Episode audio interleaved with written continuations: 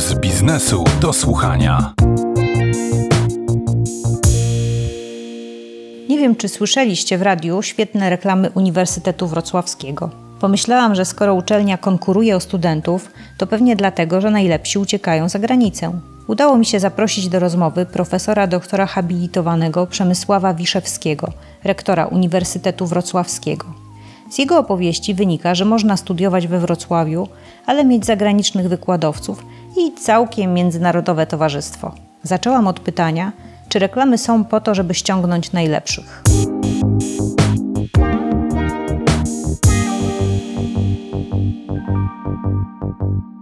Zdecydowanie tak. Walczymy o dobrych, inteligentnych, ale przede wszystkim ciekawych świata polskich studentów. I nie wynika to z tego, że mamy kłopoty z rekrutacją, bo rok w rok rekrutujemy bardzo dużą liczbę studentów. Dużą część z nich niestety no, musimy odprawić z kierunków, które są najbardziej oblegane, zwłaszcza takich jak psychologia. Ale zależy nam nie na liczbie studentów, tylko na jakości naszych kandydatów, bo to oni będą się potem u nas kształcić, to oni będą korzystali z tego, co mamy im jako uczelnie badawcze do zaoferowania, więc też dbamy o to, żeby ich też nie rozczarować.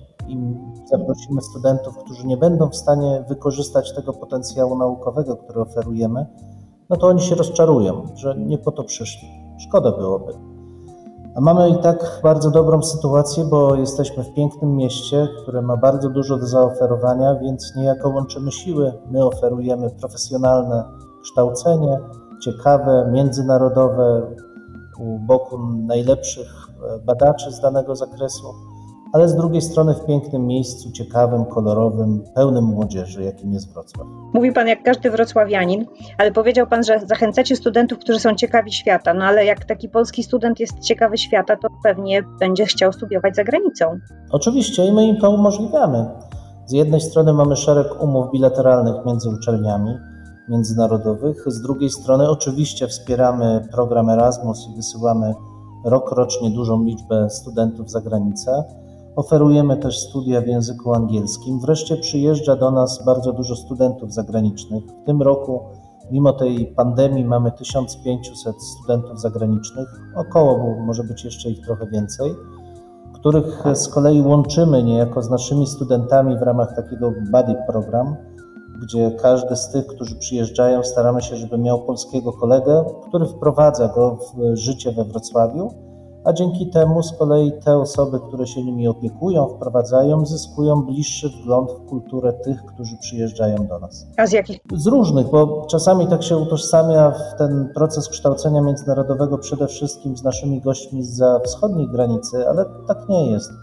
Mamy bardzo dużo Hiszpanów, Włochów, nieco studentów z Wielkiej Brytanii, też z Irlandii trochę z Niemiec, Holandii. Mamy Polonię też, która przyjeżdża do nas ze Stanów Zjednoczonych na pełnopłatne studia. Więc ten rozrzut jest dość duży, łącznie z klasycznym kierunkiem, jakim są Chiny czy Indie, skąd też mamy sporo studentów. Mhm. A jak jest z wykładowcami? Czy tutaj też jest tak międzynarodowo? Tutaj powiedziałbym, że mamy pewien niedosyt, aczkolwiek na ten około 1700 naszych pracowników 400 jest z zagranicy to i tak uważamy, że jest to jeszcze, jeszcze za mało. Znaczy, powinniśmy ten nasz zespół e, mocniej umiędzynarodowić, no ale po to też w ramach programu uczelni badawczej mamy środki, które pozwolą nam zatrudnić, jak minie ten epidemiczny czas, nowych pracowników, e, zwłaszcza z zagranicy. A czy uważa Pan, że są takie kierunki, które lepiej byłoby studiować w Polsce? Pan by tak radził albo Pan by tak zrobił? No, to trudno wie Pani powiedzieć, bo określenie kierunek jest bardzo obszerne. To bardzo często jest pytanie, czy jest tam taki naukowiec, u którego ja chciałbym się kształcić, który prowadzi takie konkretne badania, które są ciekawe i w których ja chciałbym zdobyć pełną wiedzę. Natomiast oczywiście mamy świetną psychologię, ale mamy też genialną biotechnologię, fizykę, bardzo dobrą informatykę. No, tych kierunków jest e, znaczna liczba. Natomiast gdyby tak patrzeć tylko poprzez kraj, w którym się kształci, a ja raczej tego nie robię, bo uważam, że nauka jest międzynarodowa i, i raczej należy patrzeć na potencjał, który prezentują poszczególni badacze i zespoły badawcze. Gdyby jednak ktoś chciał tak patrzeć przez pryzmat kraju, narodu, no to oczywiste jest, że najlepiej w Polsce uczyć się literatury polskiej czy słowiańskiej, czy historii Europy Środkowej. Ale to trochę mówię żartem, bo jeszcze raz to chciałem podkreślić, tu nie chodzi o kierunki, tylko chodzi o zespoły badawcze i badacze, którzy mają coś ciekawego do zaoferowania, specjalności, których nie znajduje się za granicą. A za granicę warto pojechać właśnie po to, żeby y, no, kształcić się pod okiem takiego wybranego badacza, tak? A czy są jeszcze jakieś inne wartości, które daje wyjazd poza Polskę polskiemu studentowi? No przede wszystkim to zróżnicowanie, jeśli tak mógłbym to powiedzieć, kulturowe. To znaczy, jeżeli wyjeżdżamy gdzieś z kręgu swojej kultury, to nagle otrzymujemy ogromny impuls do rozwoju. Znaczy, widzimy świat z innej perspektywy, te nasze przekonania, nasze postawy są no niejako kwestionowane przez kulturę, która zupełnie w nowy sposób zadaje pytania dotyczące otaczającego świata i to dotyczy też edukacji, bo można spotkać się z nowym sposobem kształcenia, z nowym sposobem zdobywania informacji, poznać nowe metody badań, nowych badaczy. No, to, to jest zupełnie inny świat, więc w moim odczuciu każda podróż, ale zwłaszcza taka, która wiąże się z dłuższym pobytem i możliwością poznania niejako od podszewki kultury, jest ogromnie kształcąca. I jak e, gdy wyjeżdżali studenci, przez pewien czas byłem koordynatorem programu Erasmus z mojego instytutu, to zawsze radziłem im, żeby oczywiście studiowali, ale przede wszystkim starali się poznać kulturę, wejść w tą kulturę, bo to dopiero umożliwi im pełne poznanie tego, kim, czym oni sami są w swojej własnej kulturze. Spotkanie z inną kulturą odsłania sens swojej kultury. A jak pan sądzi, rozmawiałam z obecnie doktorantem, który porównał, był na studiach w wielu krajach i powiedział, że jego zdaniem wciąż jeszcze w Polsce podchodzi się do studentów tak troszkę jak do uczniów. Traktuje się ich troszeczkę jak uczniów w podstawówce czy liceum, a w innych krajach, na przykład w Niemczech, to jest takie podejście, bardziej się traktuje ich jak dorosłych ludzi, uczy się ich rozwiązywania problemów. Czy Pan ma takie wrażenie, że nasze uczelnie różnią się od zagranicznych właśnie pod takim względem? Na pewno jest różnica w podejściu do studentów i do programu dydaktycznego i bez wątpienia musimy pracować nad tym, żeby nasze kształcenie było jeszcze bardziej projektowe, nastawione na rozwijanie sposobu myślenia i samodzielności studenta. Różne są w tym zakresie doświadczenia. Ja tu nie chcę anegdotycznych przykładów pokazywać, bo, no bo na każdą tezę moglibyśmy jakiś jeden przykład wskazać.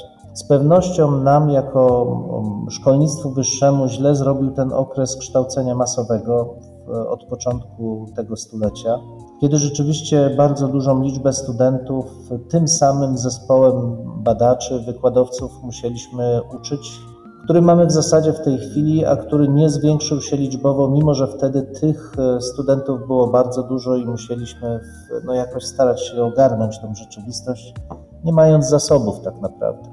Co skończyło się tym rzeczywiście, że to uczenie było no, takie bardzo szkolne w wielu miejscach, ale nie wszędzie. I właśnie do tego chciałem nawiązać, że zależy w jakie środowisko, w, jaki, w jaką szkołę dydaktyczną się trafi, bo mamy też i takie kierunki, gdzie od lat rozwijany jest tutoring, ale to wynika z tego, że nigdy nie było tam aż takiego nacisku na to, żeby była duża liczba studentów. To dawało swoisty komfort, ale teraz paradoksalnie z tych doświadczeń czerpiemy także dla studentów, dla tych kierunków, które są bardzo liczne, a które chcemy, żeby powoli przestawiały się właśnie na taki projektowy, tutoringowy sposób kształcenia. Więc podsumowując, z jednej strony rozumiem to zderzenie, bo rzeczywiście ten nasz system zajęć, programów, wykładów i ćwiczeń bardzo mocno przypomina lata 90., ale z drugiej strony jest ogromna szansa i ogromny nacisk właśnie w uczelni badawczej na to, żeby ten model kształcenia się zmienił,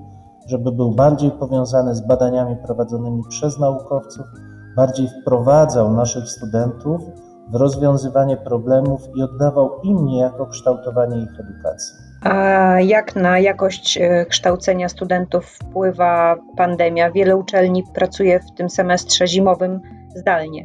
No, to prawda. To znaczy, my mamy przewidziane jakby trzy modele kształcenia, trzy tryby kształcenia. Z jednej strony kształcenie oczywiście zdalne, dotyczy to głównie jednak wykładów tam, gdzie mamy bardzo dużo studentów i gdzie po prostu nie mielibyśmy jak w reżimie covidowym poprowadzić takich wykładów w innej formie. Zalecamy w przypadku ćwiczeń, tam gdzie te grupy są mniejsze, ale i tak nie mieszczą się w naszych salach ćwiczeniowych, bo ta pojemność naszych sal zmniejszyła się 4, 5, czasami sześciokrotnie przy zastosowaniu reżimu covidowego. To zależy od układu ławek, układu też całego pomieszczenia. Tam stosujemy kształcenie hybrydowe, to znaczy zakładamy, że połowa grupy jest obecna na sali, a druga połowa uczestniczy zdalnie poprzez e, program MS Teams. Każda sala będzie wyposażona w kamery, mikrofony, także będą mogli uczestniczyć biernie bądź czynnie, to zależy od prowadzącego, zadawać pytania, uczestniczyć w zajęciach. Po czym te grupy się zmieniają, to znaczy na, w trakcie kolejnego tygodnia ta grupa, która była zdalna, przychodzi na zajęcia stacjonarne, ta, która stacjonarna ogląda zdalnie, czy zdalnie bierze udział w zajęciach. I to jest to kształcenie hybrydowe. No i wreszcie trzeci model to są zajęcia w pełni stacjonarne i tutaj takie zajęcia oferują głównie kierunki eksperymentalne, bo nie da się laboratorium przeprowadzić w formie zdalnej ani nawet w hybrydowej, ale także w niektórych kierunkach zakresu y, nauk społecznych czy humanistycznych będą prowadzone zajęcia stacjonarne, zwłaszcza dla pierwszego roku studiów, żeby móc wprowadzić te, te, tych naszych nowych studentów w to życie studenckie. No bo tak jakby cały czas trzeba pamiętać, że studiowanie to przecież nie tylko obecność na uczelni w trakcie zajęć, ale to także życie studenckie, zawiązywanie przyjaźni, branie udziału w wolontariatach, spotykanie się na koncertach. No, tego nie zastąpi żadne nauczanie zdalne. Znaczy ci ludzie kształcą u siebie umiejętności miękkie, umiejętności społeczne, kształtują się jako obywatele. Jeżeli im to zabierzemy, jeżeli ograniczymy to tylko do kształcenia zdalnego, to ogromna wartość tego akademickiego życia, jakim jest kształcenie do racjonalnego życia społecznego, zostanie ucięta, zniszczona. Uważam, że to ogromna strata, nie powinniśmy na to pozwolić. Natomiast czy to oznacza zmniejszenie jakości kształcenia? Obawiam się, że w przypadku kształcenia zdalnego może tak e, miejscami być, bo nie wszystkie zajęcia dają się przełożyć na zajęcia zdalne. Oczywiście przez pół roku wiele się nauczyliśmy, ale jeszcze daleko nam do tego, żeby w sposób idealny takie zajęcia prowadzić. Staramy się, ale trzeba pamiętać, że przez kilkadziesiąt lat wszyscy kształciliśmy stacjonarnie. W ciągu pół roku nie da się przekształcić tego, co robiliśmy przez lat kilkadziesiąt. Możemy się jedynie starać być jeszcze lepsi. Monitorujemy i będziemy monitorować jakość kształcenia i wszędzie tam, gdzie pojawią się jakieś wątpliwości ze strony studentów albo my dostrzeżemy jakieś problemy, będziemy po prostu ingerować. Kształcenie zdalne musi dążyć do tego, żeby być równie wartościowe jak kształcenie stacjonarne. Inaczej nie ma sensu. Dziękuję. Naszym gościem był pan profesor doktor habilitowany Przemysław Wiszewski, rektor Uniwersytetu Wrocławskiego. Dziękuję bardzo pani, dziękuję państwu.